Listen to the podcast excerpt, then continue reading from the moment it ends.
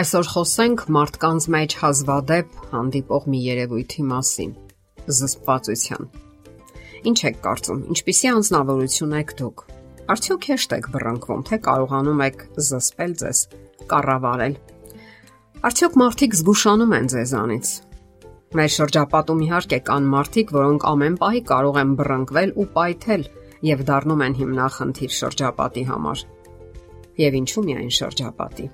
Նման մարդիկ իրենք էլ լավ հասկանում են իրենց հիմնախնդիրը, սակայն ասում են, որ չեն կարողանում իրենց զսպել։ Սակայն ճշմարտությունն այն է, որ parbzaպես ջանքեր չեն անում հասկանալու իրենց անզսպության դրթապաճառները եւ ջանք չեն անում պայքարելու դրա դեմ։ Ինչով կարելի է բացատրել մարդու բռնկուն բնավորությունը կամ անզսպությունը։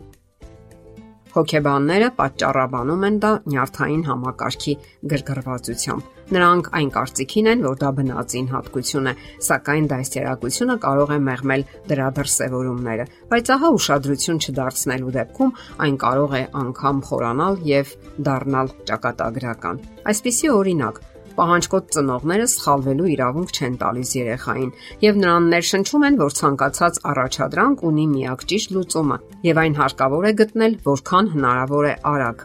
Նման մարդը հասունանալով բարկանում է, որpիսի ապացուցի իրեն եւ շրջապատողներին, որ մեղավոր է ոչ թե ինքը, այլ շրջապատի մյուս մարդիկ կամ եթե ծնողները կատարում են երեխայի ցանկացած ցանկություն,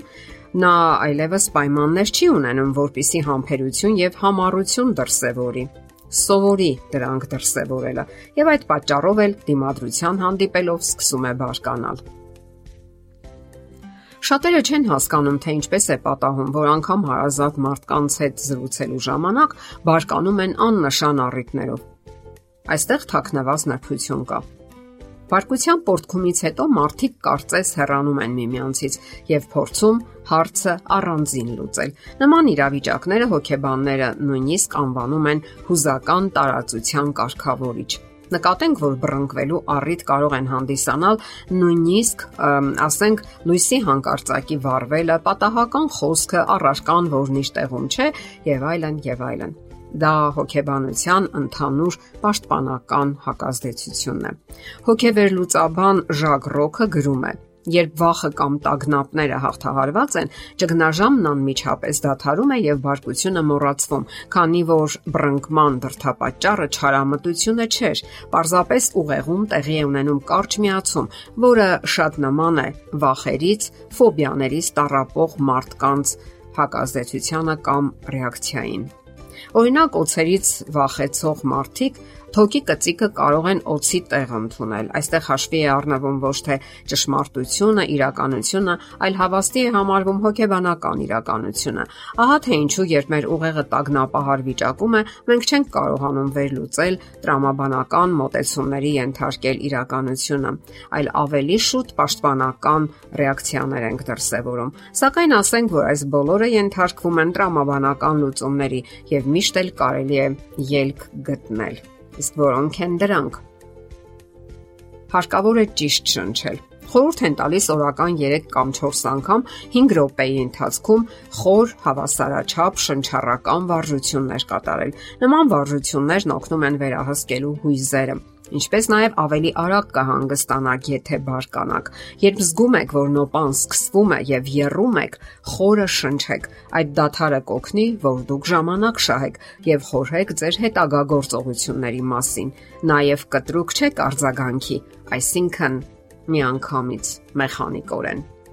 Հաջորդ պահը. Նկարագրեք ձեր զգացումները Բարկությունը կործանարար էներգիա է։ Այդ պատճառով էլ ձեզ չեն հասկանա եւ չեն ների այն մարդիկ, որոնց ուղված է այդ էներգիան։ Նրանց բացատրեք, որ դուք չեք պատրաստվում նեղացնել կամ պատժել իրենց։ Ասացեք, որ այդ ժամանակ դուք շատ ուժեղ հույզեր եք ապրում եւ չեք կարողանում հաղթահարել դրանք։ Ասացեք, թե Ինչու եք ձեզ այդպես զգում։ Ինչու եք ճնշվում եւ ինչ եք զգում ընդհանրապես։ Ձգտեք տրամաբանորեն բացատրել, հստակ parzabanել ու ներկայացնել փաստարկները ներկայացրեք դրանք հասկանալի եւ համակարգված ձևով, որpիսի դիմացիները կարողանան հասկանալ եւ ընդունել ձեր ապրումները։ Հաջորդ պահը՝ պատկերացրեք ցանկալի արդյունքը։ Ինչի եք ցանկանում հասնել Ձեր էներգիան ուղղորդեք այլ հունով, փոխանակ պայքարելու արգելքների դեմ։ Առավելագույն հստակությամբ եւ որոշակի պատկերացրեք այն արդյունքը, որին ցանկանում եք հասնել։ Այդ ժամանակ ձեզ համար ավելի հեշտ կլինի այն ամենը, ինչը ձեր ուժերի սահմաններում է։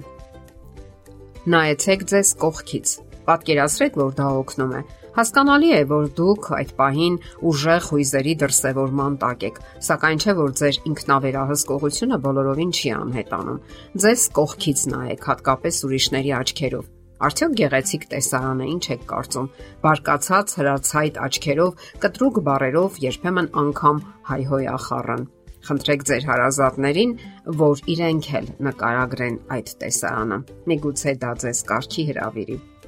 Հաջորդ խորհուրդը՝ թույլատրեք ձեր կյանքի ռիթմը։ Սա եւս շատ կարևոր է։ Հերոստացույցը, համացանցը, բջջային հեռախոսը, զանգվածային լրատվամիջոցները հոգնեցնում են մեր ուղեղը։ Այդ ողջ ինֆորմացիան ծանրաբեռնում է մեր ուղեղը եւ նյարդային լարվածություն առաջացնում։ Արդյունքում մարդը կարող է արագ բռնկվել ու անգամ պայթել։